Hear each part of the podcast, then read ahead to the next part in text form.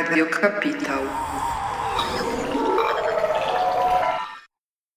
Dzień dobry Państwu, z tej strony Karolina Plinta. To 68 odcinek Godziny Szumu w Radiu Kapitał. Dzisiaj moimi gośćmi e, są Leszek Golec i Stanisław Małecki. Dzień dobry.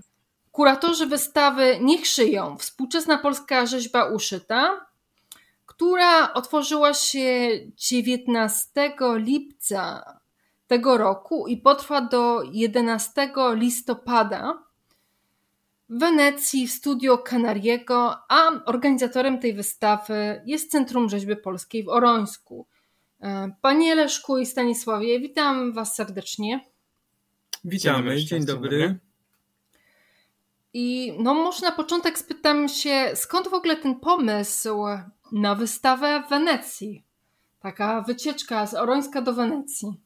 Więc na pewno e, ten temat, e, który wiąże się z tkaniną oraz e, połączeniem właśnie materiałów z rzeźbą, gdzieś już od dawna krążył w Orońsku i gdzieś mieliśmy taki pomysł na, na dużą zbiorową wystawę.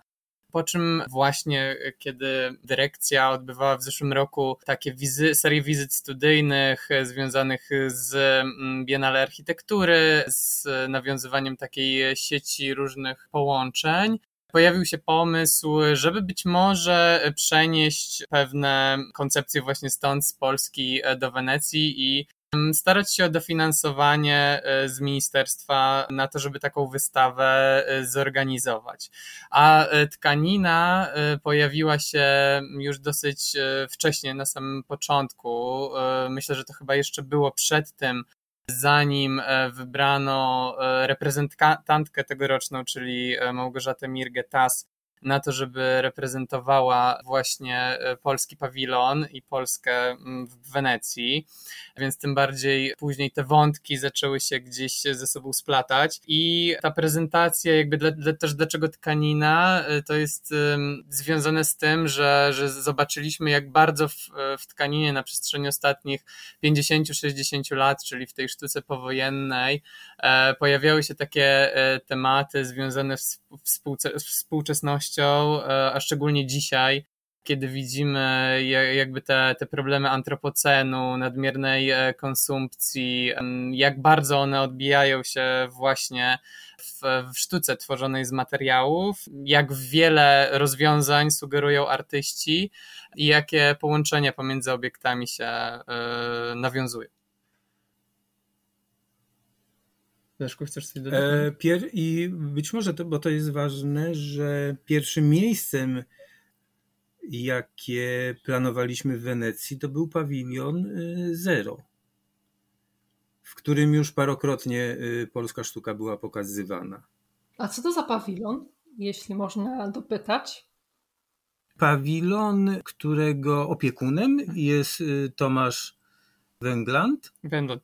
Tak, to chyba była jedna z e, takich e, początkowych relacji gdzieś e, nawiązana właśnie z, na linii CRP, Centrum Rzeźby Polskiej, a, a właśnie Pawilon Zero, to są polscy przedstawiciele. Szukaliśmy właśnie tutaj tych, znaczy ja osobiście nie byłem podczas tej wizyty, to była dyrekcja, która pod, podróżowała i i tam po prostu pojawił się taki wspólny pomysł. Na początku to była zupełnie inna przestrzeń niż ta, w której, e, w której ta wystawa finalnie e, miała miejsce i to też, to też z, z różnych względów, też e, natury jakiejś dyplomatycznej, ta wystawa później powędrowała do, do innego miejsca. Dobrze, a czy możecie powiedzieć o samej tej wystawie i koncepcie, bo wspomnieliście, o, że to jest tkanina. E, no i nie jest to taki oczywisty wybór jak na Centrum Rzeźby Polskiej, po którym można by się spodziewać na przykład bardziej klasycznej rzeźby. Magdalena, Magdalena Bakanowicz y, tutaj jakby nas mocno wspiera w tym wyborze, mianowicie od dawna była związana z Centrum Rzeźby powstało kilka prac nawet tutaj. A jedną z prac takich y, pierwszych, która, która przyszła mi do głowy, jak tworzyła się koncepcja, była e, jej praca wykonana z, worku, z worka, z juty, hand, dłoń. Tą pracę pamiętam tutaj w Worońsku bardzo, bardzo dawno przywoziła jeszcze za życia tą pracę, była odlewana, była forma z niej robiona. I y, szalenie mi się podobała ta ręka i była i jest nadal jakby zaskakująca, bo znamy artystkę z bardzo dużych prac, a tu nagle taki drobiazg. I raz już tą pracę pokazywaliśmy w Berlinie przy okazji wystawy Dotyk. Tkanina. Tak, ale no w, w, tym myśleniu, tak, o, o tym, że oczywiście, kiedy chcielibyśmy zaprezentować polską sztukę e, w, za granicą, e, o tym, że e, właśnie takie nazwiska jak Alina Szapocznikow czy Magdalena Abakanowicz powinny pojawić się na, na wystawie, gdzieś to, to myślenie o tkaninie zaczęło się pojawiać. Zaczęło się to też gdzieś zgrywać z, z oczywiście tą tradycją wenecką, prawda, gdzie od średniowiecza wytwarzano luksusowe tkaniny z, z, to, z tym całym myśleniem o, o, o w ogóle lokalnych, e, o lokalnych wątkach. E, więc w takim odsiewaniu różnych tematów, myśleniu o tym, z jakiej strony pokazać tą polską rzeźbę, pomyśleliśmy, że to jest też dobry pomysł. No tym bardziej, że jednym z takich plusów, myślę, że to też gdzieś nam pomogło, były też kwestie kwestie transportowe, prawda, żeby nie, żeby, że, że jednak prace e, w, tkań, e, w prace związane z tkaniną e, też pod względem takim logistycznym są o wiele mm, jakby łatwiejsze w transporcie niż e, duże, ogromne obiekty, które wymagają o wiele więcej opieki. Szczególnie, że było to też dla nas pierwsze takie e, wyzwanie, tak? Organizujemy no, nie tak jak na przykład Zachęta, która od lat czuwa nad e, polskim pawilonem, tylko było to dla nas pierwsza, pierwsza taka przygoda i, i, i też ogromna przeprawa z tym, żeby mm, w tych kwestiach logistycznych i w, w organizacyjnych się tutaj odnaleźć i tą wystawę móc e, zorganizować, prawda? Z mniejszym lub większym trudem w różnych, e, na różnych etapach. Czy ta wystawa powstała tylko z prac z kolekcji Centrum Rzeźby Polskiej? Mm, tak naprawdę nie ma żadnej pracy z kolekcji naszej. A, mhm, nie, nie, ma, nie, nie, nie ma nic. Wszystko z, prace pozyskane bezpośrednio od artystów, lub z instytucji, z muzeów, włókiennictwa. Tak, z e, Fundacji Magdalena Bakanowicz, e, z Muzeum Sztuki Nowoczesnej w Warszawie. Od, od prywatnych kolekcjonerów również. Mhm. Ale też od samych artystów, artystek, więc nie, nie było tutaj żadnej pracy, która, która pojechała z samego Orońska z naszej kolekcji. Mhm. A czy są w kolekcji orońskiej jakieś rzeźby tkane? E, jak najbardziej, e, bo na, na początku ten wybór e, gdzieś, na przykład kiedy wybieraliśmy pracę Marii Pienińskiej, Bereś, myśleliśmy właśnie, czy pokazać pracę z naszej kolekcji, czy też zgłosić się do, do tutaj do, mm, do Bettiny, do, do Bettiny Bereś. Mhm. Więc, więc takie, taką selekcję robiliśmy. Natomiast czy, czy właśnie Magdalena Bakanowicz, to, jakby te, te, takie obiekty są jak najbardziej. Natomiast no już tak w wielu miejscach e, te, mm, ten wybór się pojawiał, e, ta selekcja, że chcieliśmy po prostu zaproponować nowe prace, które niekoniecznie były też pokazywane, prace nieco rzadziej wystawiane i, i, i nie tak może mm, dla, też dla nas tutaj, dla mm, ko koordynatorów, dla, dla kuratorów oczywiste. Mhm. E, w takim razie, mm, czy możecie powiedzieć o tym swoim wyborze, którego dokonaliście e, i o tym, jak on opowiada, mm, ta selekcja artystek i artystów, o, o medium, jakim jest tkanina? Proszę, Stanisław. Mhm. E, Okej, okay, więc z, rzeczywiście z, zaczęliśmy m, mm, tworzyć taką taką selekcję, która w efekcie mm, dała nam to, że, że w Studio Canareggio w tych salach stworzyliśmy różne przestrzenie, dotyczące, dotyczące też różnych jakby tematów, ukazujących e, właśnie te zjawiska w polskiej rzeźbie e, z różnych e, perspektyw. Więc chyba taką największą selekcją prac i takim wyborem jest, jest, jest pierwsza sala, którą tutaj nazwaliśmy tak bestiarium. potocznie, tak, bestiarium. I to jest taka przestrzeń opowiadająca właściwie o, o takim połączeniu człowieka z innymi e, gatunkami, o, o tym, jak e, o, o tej bardziej potwornej stronie człowieka, o, o różnych chorobach w, w postaci antropocenu, nadmiernej konsumpcji i tych wszystkich zagrożeń prowadzących do, do katastrofy klimatycznej, która jest tuż za rogiem, a aż do właściwie wątków, które opowiadają o tej czulej, czułej stronie człowieka, tak? Tutaj zwieńczenie tej, tej sali akurat jest praca Ewy Dąbrowskiej e, Homo Empathicus, e, w której e, pokazana jest właśnie ta łączność pomiędzy, pomiędzy człowiekiem a innymi gatunkami ssaków, gdzie jest może pokazana taka jakby taki promyk nadziei na to, że możemy się połączyć z mm, połączyć się po prostu z innymi bytami. E, I, i e, ta przestrzeń ma też takie podłoże Mogę historyczne. jeszcze tak, o tej tak, pracy, oczywiście. bo ta praca powstała w czasie pandemii. Ewa Dąbrowska mieszkała w pracowni i pracę, o której Stanisław opowiada, zrobiła zestaw prac.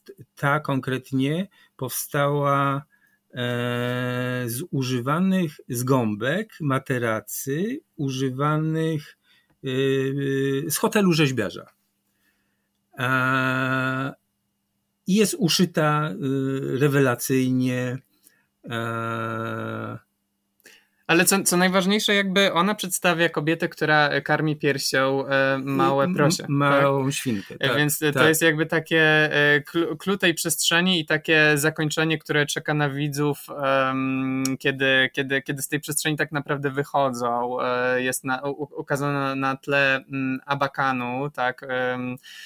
Ali, Magdaleny Abakanowicz, ale to i, i ta przestrzeń, tam, tam łączą się właściwie też wątki takie Mm, jest jakby zaplecze historyczne w postaci właśnie tego, e, e, tego czerwonego abakanu, o którym już tutaj e, cały czas mówię, ze względu na to, że mm, Magdalena Abakanowicz wyznacza taki jakby początek, tak, myślenia o, o, o, takich połączeniach e, właśnie tych form organicznych, e, naturalnych e, i, i, wiązania je z, ze sztuką. E, to jest wczesny abakan, który pokazujemy, on jeszcze nie ma takiej e, przestrzennej, monumentalnej funkcji, e, która już przypomina jakiś kokon, czy, czy jakiś bardzo taki zwierzęco-organiczny kształt. No, no tak, ale poświęciliśmy na razie dwóm pracom, właściwie, które gdzieś tam wieńczą tą, tą przestrzeń moglibyśmy robić taki, mhm. mogli, moglibyśmy robić taki tour, możemy do tego wrócić. Natomiast e, też są inne przestrzenie, na przykład, e, w której opowiadamy o, o wątkach związanych z pożądaniem, e, czy jakąś erotycznością, prawda, która zaczyna się gdzieś od feministycznych rzeźb Marii Pinińskiej-Bereś, jest kontynuowana przez przytulanki i Iwony Demko, wyznaczający właśnie taki początek e, te, tego myślenia o haptyczności e, w sztuce, a, a kończy się na, na takich e, pracach o pożądaniu właśnie jak Pergeum Agaty Zbylut, czy, czy Maska Diany Grabowskiej, tak, pokazująca właśnie krótkie wideo, na którym osoba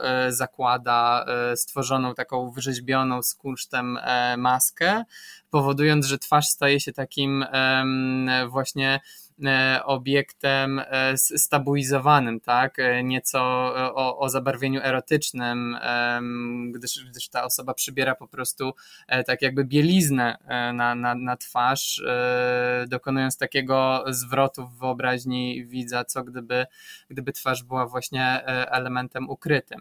Więc są elementy erotyczne, są, jakby jest też sala poświęcona takim wątkom z, pracy, z pracą kolektywną, tak, z wyszywaniem, z, z, z takim myśleniem o tym, że e, naprawianie daje nową jakość, szukanie nowych, e, szukanie nowych połączeń właśnie pomiędzy elementami.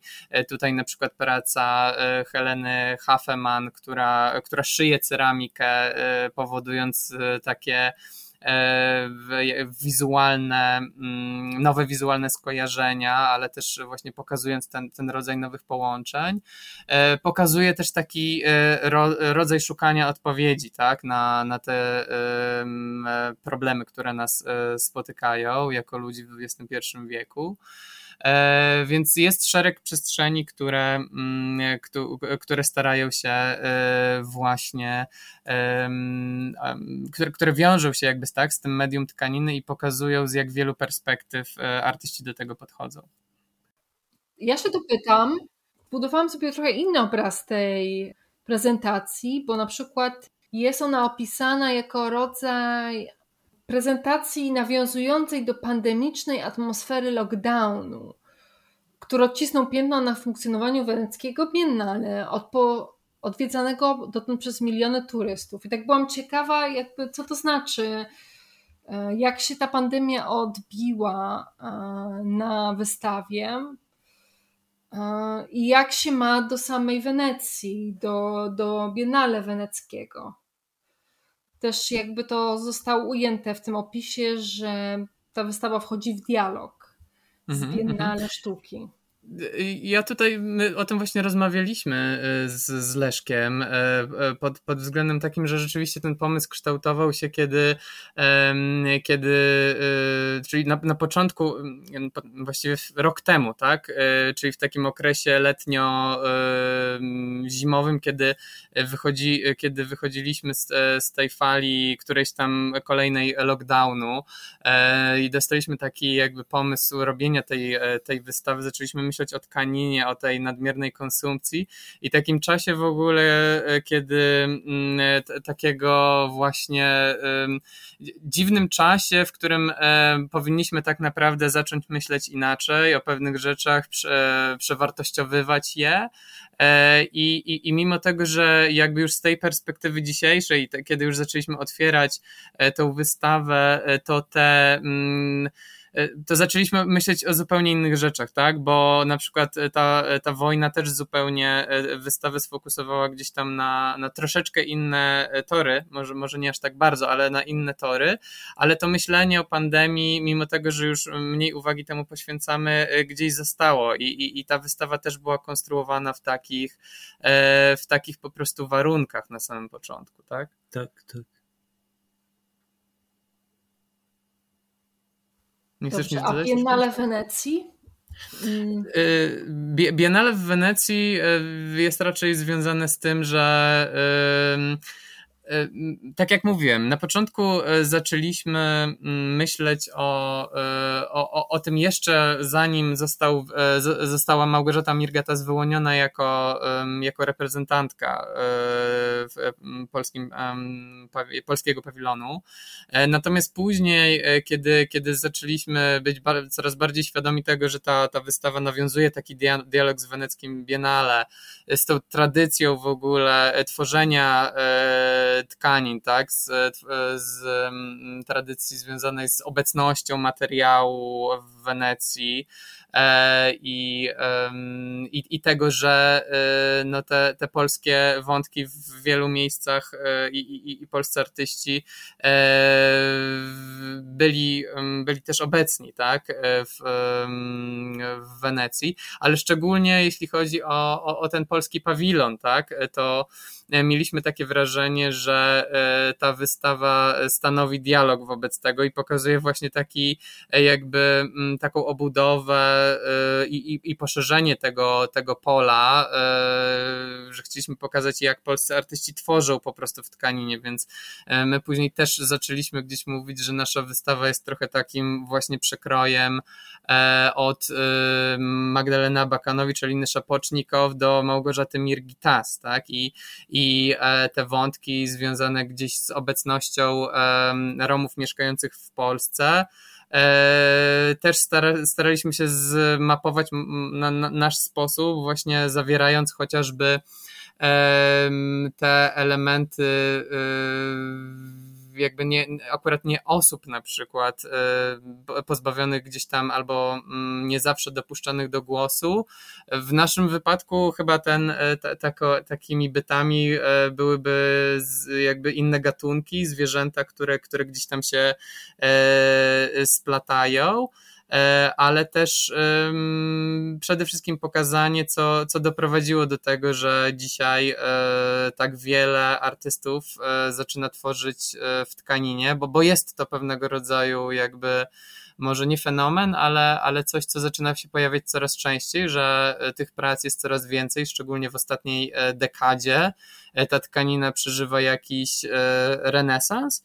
No, ale nie jest to też coś zupełnie nowego, tak? To ma swoją tradycję y, w pracach e, z drugiej połowy XX mm, e, wieku. No i, i to właśnie chcieliśmy pokazać, tak? Mnie intryguje jedna rzecz. No, ta wystawa w większości pokazuje pracę artystek. E, I zastanawiam się, czy to dla Was miało jakieś znaczenie? No jednak tych kobiet na wystawie jest dużo więcej. Jeśli mam być szczera, to w większości tych zapowiedzi prasowych jest głównie mowa o artystach, więc to jest jakby tak, czuję jakby to było trochę takie pominięcie um, albo jakby jakieś niezauważenie faktu, że jednak tkanina to jest domena kobiet, przynajmniej tak wynika z tej e, z tego zbioru. I um, jaki jest wasz punkt widzenia e, na tą kwestię? Wybieraliśmy prace, mm, e, które miały e, odpowiednią jakość. Absolutnie nie, e, nie brałem pod uwagę tego, kto jest kim. I to nawet ciekawa właśnie była taka refleksja, jak się zorientowałem nagle, że większość to kobiet i, i tyle. Mm, Stanisław. Nie, no, no jakby... jest, oczywiście, że jest to domena mm, kobieca y, i, i jakby w, w, tradycji i historii sztuki jest to, jest to bardzo widoczne i, i braliśmy gdzieś to pod uwagę. Natomiast natomiast e, w, nie mogliśmy pewnych e, prac, jakby bardzo chcieliśmy, żeby na przykład praca Franciszka Orłowskiego, Pawła Błęckiego e, i, i później też Jerzego Beresia. A, a to, to też, była niespodzianka. A to tak. też ze względu mhm. na to, że, że, że wiedzieliśmy, na, oczywiście wcześniej już planowaliśmy pracę Marii Pienińskiej, Bereś, ale kiedy nawiązaliśmy e, tutaj ten dialog z Bettiną, stwierdziliśmy, że jej prace też e, w, tym medium tkaniny powstają i bardzo chcieliśmy e, jedną z ich prac pokazać, to później pojawiła się właśnie praca Jerzego Beresia. Pod bardzo, tytułem Haft. Pod tytułem Haft, bardzo ciekawa. Tutaj poświęcę może tylko dwa zdania tej pracy, bo ona jest, powstała w późnym okresie twórczości Jerzego Beresia, kiedy, e, kiedy on już był e, po operacji, e, był chorym artystą, gdzieś już, no, można powiedzieć, prawie na, na, na, na był, był bardzo osłabiony, tak? I, i, I ta praca pokazuje jakby takie przecięcie jego tej poprzedniej praktyki, gdzie pojawia się to e, takie, twa, e, takie mocno krzesane drewno, duże, duże fragmenty, e, gdzieś z tą tak, tak zwaną męską energią, która gdzieś po prostu wychodzi ten jego to te, te elementy, które, które pojawiały się w, w praktyce, połączone właśnie z takim dużym napisem, bardzo kolorowym, związanym jakby z, z wyplecionym haftem. I, I, jest to też trochę taka jakby praca, która, a, a haft jak wiemy jest raczej był w historii wiązany z, z właśnie czynnością wykonywaną głównie przez, przez kobiety, z, raczej związany z zaciszem domowym i raczej jest to taka praca, która, która, która, która stanowi pewnego rodzaju jakby pogodzeniem, z, z pogodzeniem się jego um, osłabienia jego, jego ciała, y, jakby z, z, z, taki, z takim wątkiem związanym ze starością i, i odchodzeniem.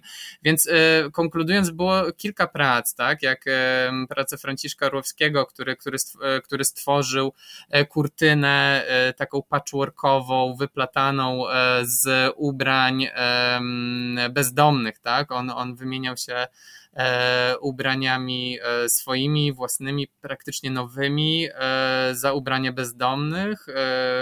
Była taka seria prac właśnie jak, jak, jak performance jego pocałunek miłości i inne i, i, i szereg który, który, prac, które były kiedyś pokazane na dużej wystawie w Zachęcie. I mając te prace w pamięci po prostu nie sposób było, było je, je, je pominąć, dlatego też nie wiem, ja, ja na przykład też nie, nie czułem się do końca na siłach e, i, i to też o tym rozmawialiśmy, nie, nie, nie czując się na siłach, tak e, kuratorując w dwójkę z Leszkiem taką e, w pełni feministyczną wystawę, tak? I wydaje mi się też, że to to trochę też nie byłoby jakimś takim zagraniem do końca fair, Y, i, i, i czymś po prostu jakimś takim dziwnym oszustwem, e, jeśli, jeśli dwóch mężczyzn kuratorowałoby pracę w większości kobiet. E, w związku z czym wydaje mi się, że wyszło to po prostu gdzieś naturalnie, że taki, taki wybór e, tutaj został dokonany. Mhm. Zastanawiam się, czy no macie ten powiedzmy przekrój różnych prac, różnych epok e, wykonanych w tkaninie i czy dostrzegacie jakąś ewolucję myślenia o tkaninie? Oczywiście można powiedzieć, że no, pewne refleksje są oczywiste. Tkanina z takiego, chociaż no w sumie zawsze była elementem też dekoracyjnym. No i pytanie, mm, jak, jak to myślenie o niej ewoluowało z takiego na przykład nie wiem, kilimu, jakiegoś przedstawienia, czegoś, co się wiesza na, E, ścianie, żeby ogrzewało i zdobiło, do mm, no, w zasadzie rozwiązań kontrowersyjnych, e, e, biorąc pod uwagę tą historię tkaniny, czyli tych na przykład działań Franciszka Orłowskiego. Chcesz zacząć, czy ja mam zacząć? Proszę, mów. Okay.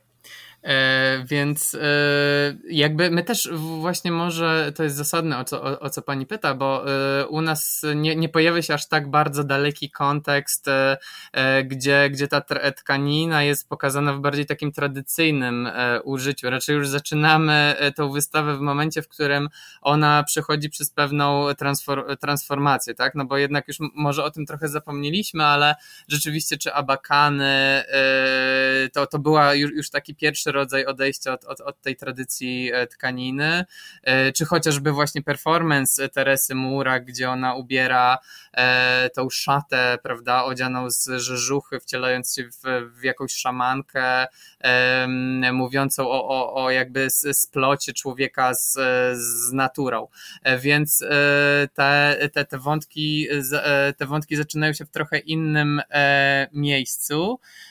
Natomiast że rzeczywiście ta e, i, to jest to, to, co jest jeszcze ważne, to to, że mm, jakby takiej wystawy pokazującej właśnie w jak różny sposób e, ciężko było nam znaleźć w, znaczy oczywiście było kilka takich wystaw, tak, jak e, wystawa Michała Jechuły w, w Zachęcie, ostatnio Wątki Wspólne, e, czy też wystawa w, w CSW, e, wcielenia chyba e, tkaniny.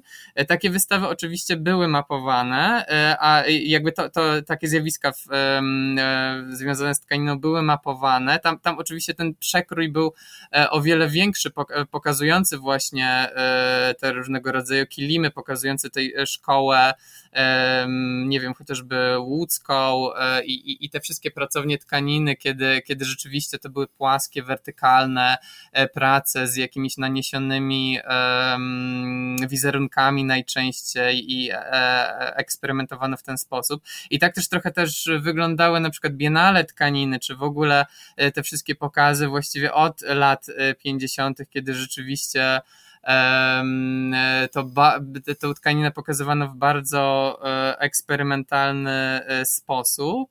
E, I, I my rzeczywiście tą wystawę zaczynamy w, w punkcie, który kompletnie e, jakby zaczyna odchodzić, e, jest, jest rzeczywiście postrzegany tak bardzo współcześnie. No i, i jest jednak tą rzeźbą, tak, że on zyskuje jakąś formę raczej obiektu artystycznego, obiektu e, trójwymiarowego, przestrzennego, e, a, nie jest, a nie jest już właśnie tym, czym jak był postrzegany kiedyś. Czy elementem E, akcji e, Cecylia Malik e, i siostry rzeki szyją kostiumy. Na nie z cekinów nakładają napisy, ratując rzeki czyli to jest już, to nie jest dekorum, tak? To mhm. już wy, ucieka i to, to jedna z fajniejszych prac. Tak, tak, tak. Kiedy materiał wkracza już w taką przestrzeń społeczną, tak? I staje, staje się, się potrzebny. Staje się elementem akcji e, społecznej, tak. nacechowanej właśnie jakby walką o, o środowisko. E, I, i, i rzeczywiście te, te wątki są, są tam widoczne, tak? Kiedy, kiedy właśnie, e, tak jak mówi Leszek, e, materiał staje się elementem działania, tak? Staje się takim medium do, do wyjścia w tą, tą, tą, tą sferę społeczną, tak? Na przykład. Właśnie, też w opisie wystawy ten społeczny i krytyczny aspekt był bardzo podkreślany zainteresowało mnie to, bo jeśli chodzi o tkaninę, mam też taką no, głośna jest na przykład ostatnimi czasy refleksja o wpływie przemysłu modowego na środowisko. I to jest taki ciemny aspekt tkaniny. Jakby tego, co z tkanin powstaje. Tkaniny potrafią być bardzo toksyczne i bardzo szkodliwe dla środowiska. Um, jak to się ma w przypadku wysta waszej wystawy? Jak te prace, które pokazujecie na niej, jakby mm, opowiadają o, o tym współczesnym świecie, w którym tyle się mówi o, nie wiem, nadchodzącej katastrofie ekologicznej i tak dalej.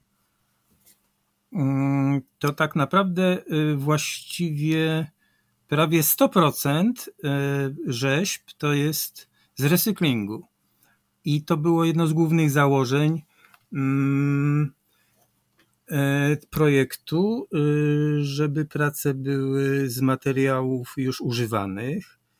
E, to chyba y, odpowiadam na Pani pytanie. E, mm, starałem się, pytaliśmy konkretnie, y, bardzo, bardzo nam zależało na tym, żeby nie były z nowych materiałów. I kilka prac z kilku prac zrezygnowaliśmy, lub artystki same rezygnowały, bo miały świadomość tego, że to, nie, że to były materiały kupowane e, nie z ręki. Tak, ale to też nie, nie, nie, nie, nie, nie definiowało, bo też żebyś, żebyśmy nie byli tu oskarżeni, że to jest ostateczne kryterium wyboru, bo, bo część rzeczywiście, czy na przykład teraz przychodzi mi Diana Grabowska, tak, która e, raczej e, robiła tę pracę z nowych materiałów. Było kilka prac, które, które, które nie były z recyklingu, ale rzeczywiście było to definiujące kryterium wyboru i chcieliśmy, żeby też e, ten, ten temat się e, pojawiał. Natomiast wydaje mi się też, że to też jest jakiś taki wątek związany z praktyką i dzisiejszą kondycją e, też artystów, tak, tak gdzieś na marginesie, że rzeczywiście e, nierozsądnym czasem byłoby wykupowanie nowych, e, nowych materiałów i wykorzystywanie ich i o wiele ciekawsze jest znajdywanie tych, tych rzeczy, które już się gdzieś, gdzieś zostały użyte, tak?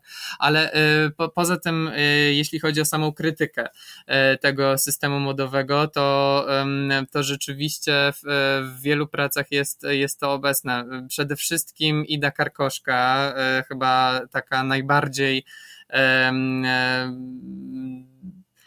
znacząca e, wypowiedź, w sensie taka bezpośrednia e, wypowiedź, gdzie artystka z, figurę owieczki, e, wplata 3000 metek e, po ubraniach. E, to też był jakby długi jej proces tworzenia i zbierania tych metek od, od znajomych, e, robienia różnych akcji na mediach społecznościowych i, i, i wplatania misternie 3000 metek, pokazując właśnie jakby dwa oblicza, tak? Dwa oblicza właśnie tej owieczki i dwa oblicza systemu modowego, w którym jesteśmy, że z jednej strony oglądamy taką czystą formę E, tej, tej owcy, tą, tą, tą jedną stronę, która jest jakby pozbawiona właśnie tej wełny, a z drugiej strony widzimy, kiedy się zaczynamy przeglądać, że, że ta druga e, strona, drugie oblicze owieczki pokrytej właśnie e, tą symboliczną wełną, to zrobiona jest z, z tego materiału, czyli z tych metek, co odnosi się oczywiście do tej krytyki tego, jak e, dzisiaj odzież jest wytwarzana, tak, w jakich e, nie bezpośrednio, ale oczywiście tu chodzi też o, o to, w jakich warunkach ludzie, ludzie pracują, by to wytwarzać, e, co doprowadza nas do, e, do tego właściwie, że możemy kupić e, t-shirt za, za przysłowiowe 5 zł. Ta, taką inną pracą, będącą też jakby krytyką dzisiejszej konsumpcji jest chociażby też praca Małgorzaty Markiewicz, tak? która, która jedzie do Afryki po to, żeby wraz z mieszkańcami e, miast e, wyplatać właśnie metodą Boro e, stary zużyty sweter, pokazując, że, że to tworzenie nowych połączeń, naprawianie nie tylko tworzy nową jakość, ale, ale jest też może dobrą odpowiedzią na to, na, na, na ten nasz nadmierny konsumpcjonizm, mm, więc e, jest dużo takich prac, które nie tylko komentują to w sposób bezpośredni, ale też e, starają się znaleźć tutaj odpowiedź, prawda, na te wyzwania. No i w końcu praca Sylwii Jakubowskiej, która nagle z trzech, około 300 kg ubrań, zebranych właśnie od swoich bliskich znajomych przyjaciół, no, no pokazuje z jednej strony, jak wiele, jak, jak najbliższy krąg osób, e, ile tych ubrań z, zużywa, ale z drugiej robi monumentalną pracę, której poświęciliśmy jedną małą, oddzielną przestrzeń e, i, i, i, i pokazuje taki przekrój społeczny, przekrój właśnie przez e, społeczny tych osób, pokazuje też, to, to staje się taką formą otwartej książki, te, te prace zyskują. Portret zbiorowy. Taki, I przede mhm. wszystkim takim portretem Tytuł. zbiorowym, ale też właśnie pokaza pokazaniem w jaki sposób i jak wiele zużywamy tych, tych ubrań. Więc oczywiście jest to też temat eksploatowany już od, od wielu lat, tak? Jest to pewien rodzaj truizmu, o, o którym wielu, wie, wielu i wiele z nas wie, ale to wydało nam się też warte tego, żeby ten wątek poruszyć i przypomnieć go na wystawie. Zastanawiam się, czy moglibyście jeszcze mm, głębiej opisać ten kon, e, koncept swojego e, pokazu, bo wspomnieliście, że on ma poszczególne różne części, zaczyna się o bestiarium, e, a gdybyście mogli jakoś umotywować też te, jakby czemu na przykład e, zaczyna się tak, jakby co te, jakie dokładnie prace pokazujecie w poszczególnych częściach, tak żeby można było zbudować sobie faktycznie jakiś mniej więcej ogląd e, tego pokazu. Mhm. Znaczy, wątkiem w ogóle takim przewodnim e, jest po, po wszystkich przestrzeniach jest, jest taki jakby zgubna.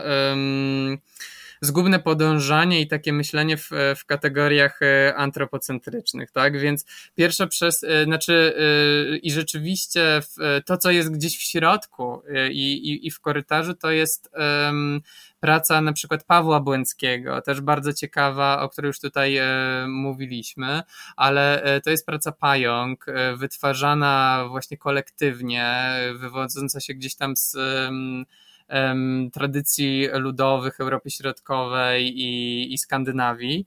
E, I, e, I ta praca właśnie pokazuje, y, staje się takim łącznikiem pomiędzy, pomiędzy wszystkimi e, przestrzeniami, tak? Więc z jednej strony wchodzimy w tą przestrzeń bestiarium i ona też, akurat ona zaczyna się w ten sposób, ponieważ jest taka rzeczywiście najciekawsza wizualnie. Ta przestrzeń jest najbardziej reprezentacyjna i ten zestaw prac, które tam wybraliśmy, on po prostu e, bardzo pasował do, do tej przestrzeni e, i wytworzył nam właśnie takie dwa czy więcej oblicz e, działalności człowieka. Natomiast kolejne przestrzenie, tak, czy to właśnie przestrzeń poświęcona pożądaniu, być może też, co, co gdzieś tam podskórnie jest sugerowane, czasem prowadzi nas do zgubnych skutków, a następnie przestrzeń związana tak z, z pracą kolektywną, e, jakby łączy się w tym, pokazując właśnie takie, taką e, działalność człowieka, która, e, która idzie po prostu w złą stronę, więc rzeczywiście staraliśmy się, żeby wystawa miała taki wydźwięk bardzo, bardzo współczesny, komentujący i uderzający w jakieś takie tony, które są dzisiaj mocno potrzebne może o pracy Elwiry Sztetner warto powiedzieć, bo ona jakby kończy e, ten zestaw. Mm, e, to jest e, abstrakcyjna forma, którą artystka stworzyła z opakowań po produktach, które spożywczych, które przez miesiąc zjadała po pracy w ogóle tego nie widać, bo one są, e, e, opakowania są pocięte i to jest taki dziwny stwór, który narasta na ścianę. No tak, i to jest to jakby też taki komentarz związany z tym, że kiedy skończy się już jakby ta działalność człowieka, tak, prowadząca do, do, do tej, do, do katastrofy klimatycznej, której e, jesteśmy coraz e, mniej w stanie chyba uniknąć i, i jakby to jest jakiś taki wewnętrzny błąd homo sapiens po prostu, że nie jesteśmy w stanie się zatrzymać, to to, co pozostanie po nas, e, to będą jakieś nowe organizmy właśnie, w, e, ty, czyli tytułowy przetrwalec, jakiś rodzaj e, dziwnego grzyba, stworzenia który wytworzy się po prostu z tej masy pla, plastiku i, i, i zasiedli tą, e, tą planetę. Zresztą to są też jakieś takie wątki, które dzisiaj coraz częściej takiego pozytyw, pozytywnego nihilizmu, które, które coraz bardziej e, ten świat e, sztuki zaczynają na, nawiedzać. Więc tym, tym się kończy nasza wystawa jednak. Natomiast witają y, pierwotne zwierzęta. Mm. Tak, tak, tak. Więc je, i tak, pierwotne zwierzęta, czyli pasterz Ewy Pachu Łódzkiej. Centralnie, który jakby pilnuje, opiekuje się tymi dziwnymi stworami, ale rzeczywiście y, pierwsza praca e, w galerii to jest y, stwór y, Basi Bańdy. Tak. Stwór z północy. Czy potwór z północy? Tak, potwór, potwór z północy, y, będący taką trochę przekształceniem y, znanej formy mutantów y, Magdaleny Abakanowicz. Tak, może nie jest to bezpośrednie nawiązanie, ale my w takim, w takim kontekście tą pracę umieściliśmy, że rzeczywiście ona stanowi ten dialog z, z tradycją i z artystką, która też jest obecna. I to jest taki rodzaj dziwnego, nieistniejącego, surrealnego stworzenia, który, który jest łudzący, jakiś taki nęcący, tak? On on, on ma, jest obszyty sztucznym futrem e, i rzeczywiście tego widza wita i nie jest, nie jest w żaden sposób straszny, nie jest tak, potworny, tak. tylko jest bardzo zachęcający i nęcący, tak? Tak, tak. Pochyla głowę, y, jakby chciał być głaskany. No i teraz sobie uświadomiliśmy, że mamy początek pierwotnego stwora, który był wcześniej niż ludzie, a mhm. końcówka przetrwalec, y, który powstał dzięki nam. Tak? Dzięki naszej, naszej zachłanności. Tak. Nawet gdybyśmy tego nie chcieli. Czyli jest to jednak wystawa o takim pesymistycznym wydźwięku. Zostanie ten przetrwalec jakiś, e, nie wiadomo co to będzie. No, miejmy, miejmy nadzieję, że tak nie będzie, ale chyba jednak yy, wszystko, wszystko do tego prowadzi, jeśli się nie, nie zatrzymamy, prawda, w którymś momencie. I, i to też nie zawsze jest yy, kwestią jakichś naszych indywidualnych yy, działań i preferencji, tylko gdzieś to jest na, mm, odbywa się wszystko na wyższych szczeblach, nawet kiedy protestujemy, sprzeciwiamy się przeciwko temu jako artyści, ale co innego nam pozostaje, artyści i e, ludzie kultury, a co innego nam pozostaje, jak e, tylko sprzeciwiać się i protestować e, kolektywnie. Nie no, nie, nie, nie zostawiajmy tego też tak może zupełnie pesymistycznie, bo, bo jednak jakieś wątki e, jakieś wątki e, optymistyczne są, ale rzeczywiście one e, no, no nie, nie, nie jest łatwo tak, nie, nie jest je znaleźć. Bo nawet y, y, y, jest praca mm, Moniki Drożyńskiej, mhm. e, która powstawała już wcześniej, e, tytuł e, tego Wyhaftuj projektu się. Wyhaftuj się. Monika dała nam już zahaftowany mocno materiał ale ludzie i tak yy, yy, haftowali i tam pozytywnych słów nie pamiętam. Mm-hmm, mm-hmm. Tak, tak, no jakby ta, ten projekt służy temu, tak, żeby w, w taki przewrotny sposób, nie, nie bezpośredni, który budzi się z gniewu, tak, tylko jest jeszcze przefiltrowany przez ten, e, przez ten performance w postaci powolnego wyszywania swoich słów, które gdzieś e, tkwią w nas, e, będą jakimiś takimi traumatycznymi Tak, one nie są wykrzyczane, tak, bo to łatwo wykrzyczeć, a później się żałuje, a to jest... Tak.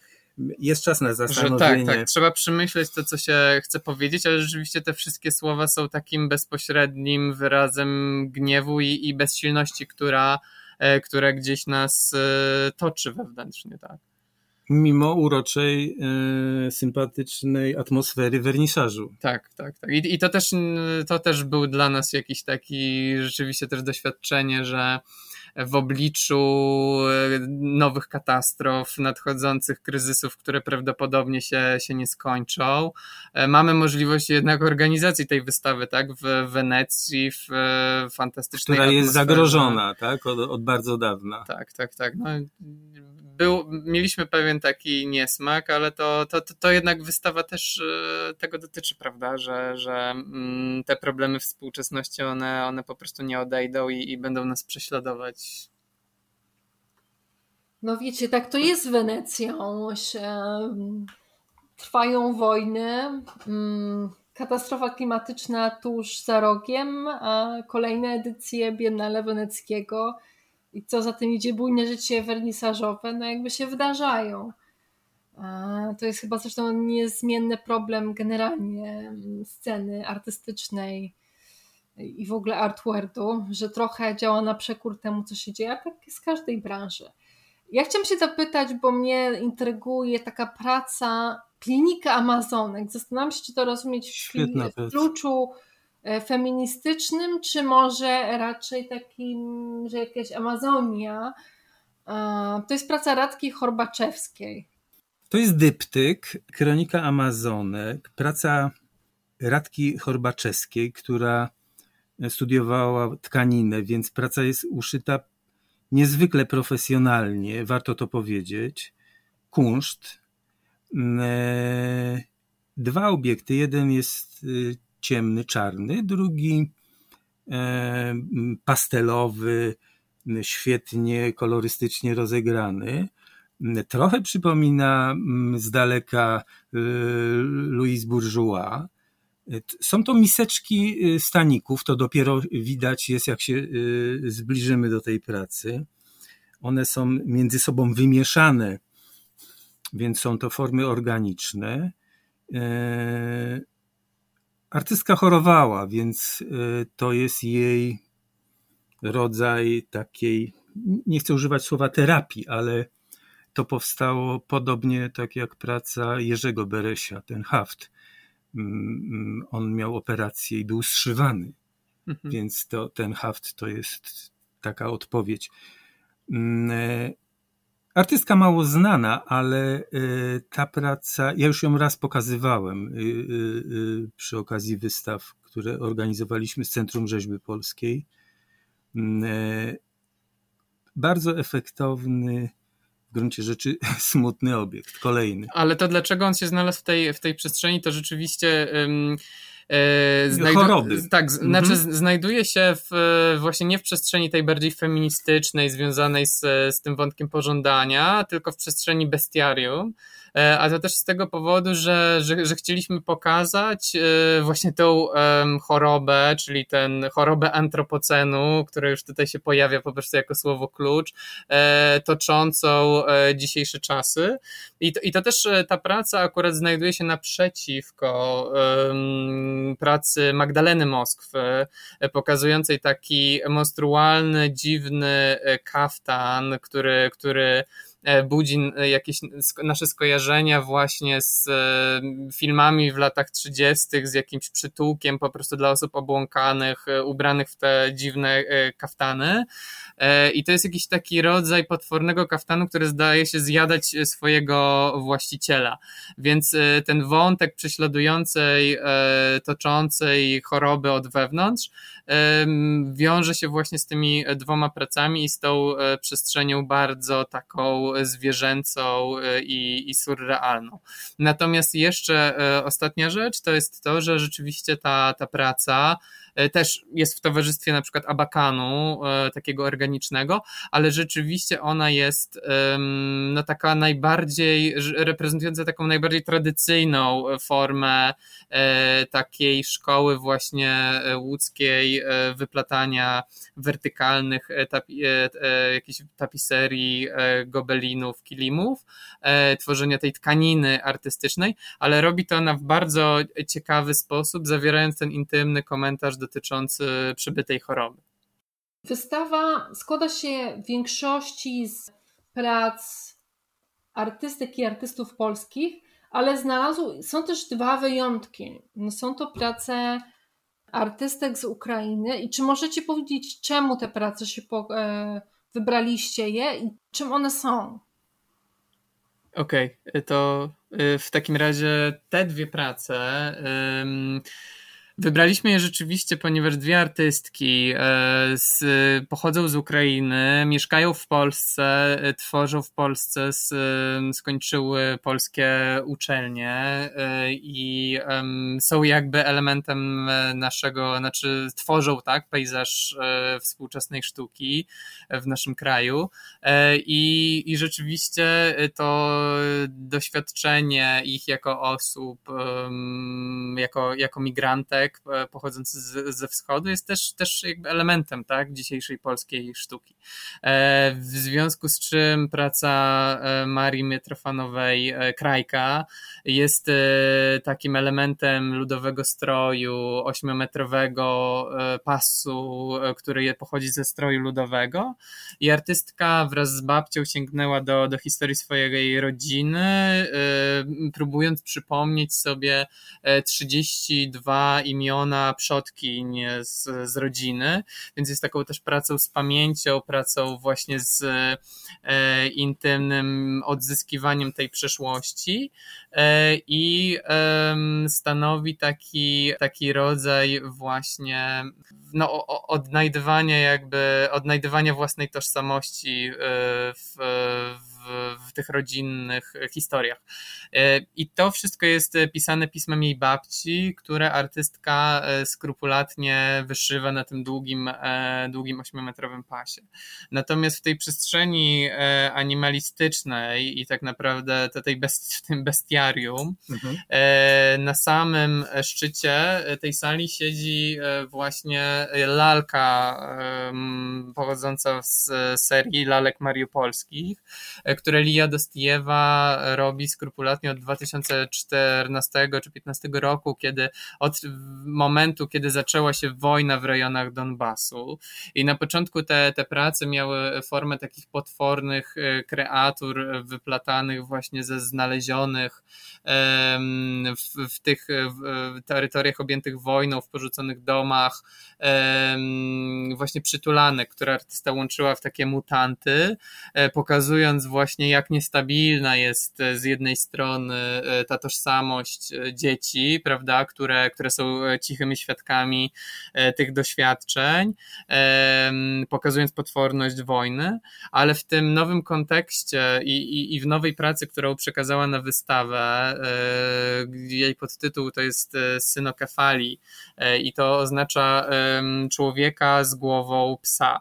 I w tej pracy artystka opowiada o, o takim braku tożsamości ludzi e, ze wschodnich terenów Ukrainy, e, bo gdzieś w, doszukując się w takiej pracy badawczej, e, rzeczywiście Lia ma takie podłoże bardzo mocno badawcze, znalazła informację, że już od czasów antycznych właściwie ludzi ze wschodniej Ukrainy nazywano tymi synokefalami, ludźmi z głową psa, pozbawionymi właśnie określonej tożsamości, stygmatyzując ich w ten sposób i, i pokazując, że e, właściwie tej nazwie e, stało się zadość w momencie, w którym wybuchła wojna, tak, w momencie narastania rosyjskiego faszyzmu, kiedy ci ludzie rzeczywiście zostali z tych terenów wygnani, zostali zmuszeni do tego, żeby migrować i rzeczywiście w efekcie zostając pozbawieni absolutnie tożsamości gdzieś, gdzieś tam w różnych rejonach świata, będąc bez swojego domu. Czyli taki wątek też się pojawia e, tożsamościowy, nie tylko związany z byciem, z antropologią, ale także z polityką bardziej. Ale to jest też, to jest też jakby ten, ta potworność, tak? Y, dzisiaj, o jakby dzisiejszego świata, która, która gdzieś tam z góry patrzy na to, na to wszystko, jest takim cichym obserwatorem. Dlatego umieściliśmy, no bo ta praca ma też bardzo specyficzne miejsce, że rzeczywiście ona znajduje się na, samym, e, na samej górze. Dołączyliśmy też jakby taką informację, żeby widz uważnie oglądał tę przestrzeń i, i ona jest tam ukryta i, i gdzieś... Kończy bestiarium. Tak, i ko kończy jakby tą mhm. przestrzeń, kończy bestiarium, pokazując jakby e, jakiś efekt, tak, końcowy e, jakby tego. Niepewny. Nie, nie, e, ta postać wygląda tak, jakby nie wiedziała, co się dzieje, o co chodzi. Tak też komentowała artystka. Mhm. Zastanawiam się, bo no Wenecja to jest miasto sztuki. Jest tam bardzo dużo nie tylko dawnej, ale i współczesnej sztuki do oglądania. Myślę, że to nie jest y, łatwe wyzwanie, żeby zrobić tę wystawę, która będzie zauważona. I mm, czy wy na przykład myśleliście o tym, jak sprawić, żeby na tą wystawę trafiła e, międzynarodowa publiczność, żeby ta wystawa jakoś żyła?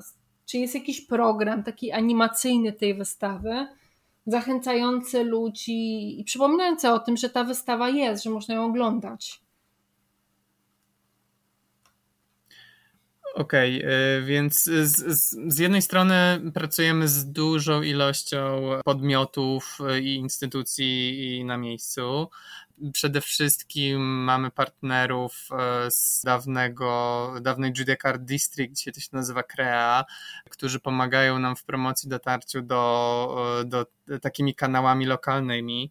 W pewnym momencie też musieliśmy właśnie nawiązać współpracę z koordynatorem po stronie włoskiej, gdyż też nie byliśmy wszystkiego w stanie zrobić tam na miejscu. Jest szereg jakichś takich administracyjno właśnie mm, administracyjnych rzeczy. Jak się dowiedzieliśmy na przykład jak, jak działają urzędy w, na terenie Wenecji, będąc raczej takimi tradycyjnymi ostojami, e, gdzie, gdzie, gdzie nawet ciężko ciężko jest jakby dostać fakturę, co, co z perspektywy instytucji publicznej w Polsce jest bardzo ciężkie do przeskoczenia, ale, ale rzeczywiście e, ta koordynacja i pomoc osób na miejscu była niezwykle ważna.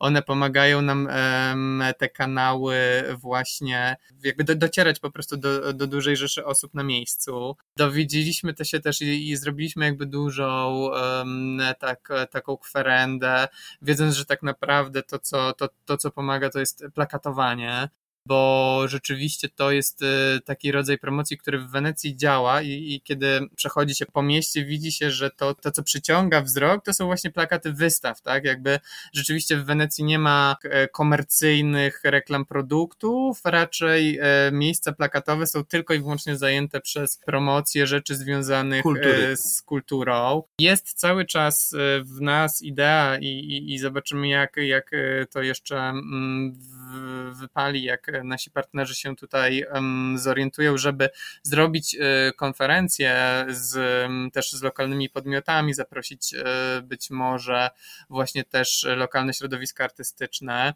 Naszym partnerem też, który w ogóle prezentuje wystawę jest feministyczny kolektyw Waves, e, który też zajmuje się gdzieś tam w Wenecji sztuką związaną z szyciem, poezją, więc też gdzieś nam E, te panie e, pomagają i, i, i są takim naszym wsparciem na miejscu, więc no to, to też było naszym zadaniem i takim wyzwaniem, żeby rzeczywiście to, to środowisko lokalne zmapować. I konkludując, myślę, że nam się to udało, ponieważ e, codziennie dociera do nas informacja, że wystawę ogląda 50-60 osób, co na przykład na nasze, Wenec- na nasze orońskie standardy w ciągu roku, szczególnie w sezonie zimowym, a nawet, a nawet letnim jest bardzo, bardzo dobrym e, wynikiem, tak? E, będąc poza dużym ośrodkiem miejskim.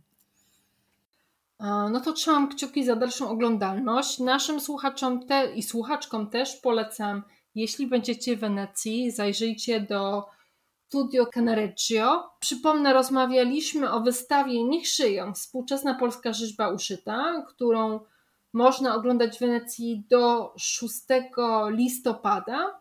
Moimi gośćmi był Stanisław Małecki i Leszek Golec. Bardzo Wam dziękuję. Dziękujemy, Dziękujemy bardzo. bardzo.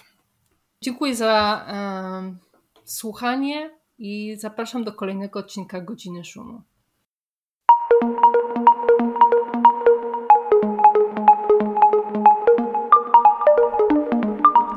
Radio Kapitał.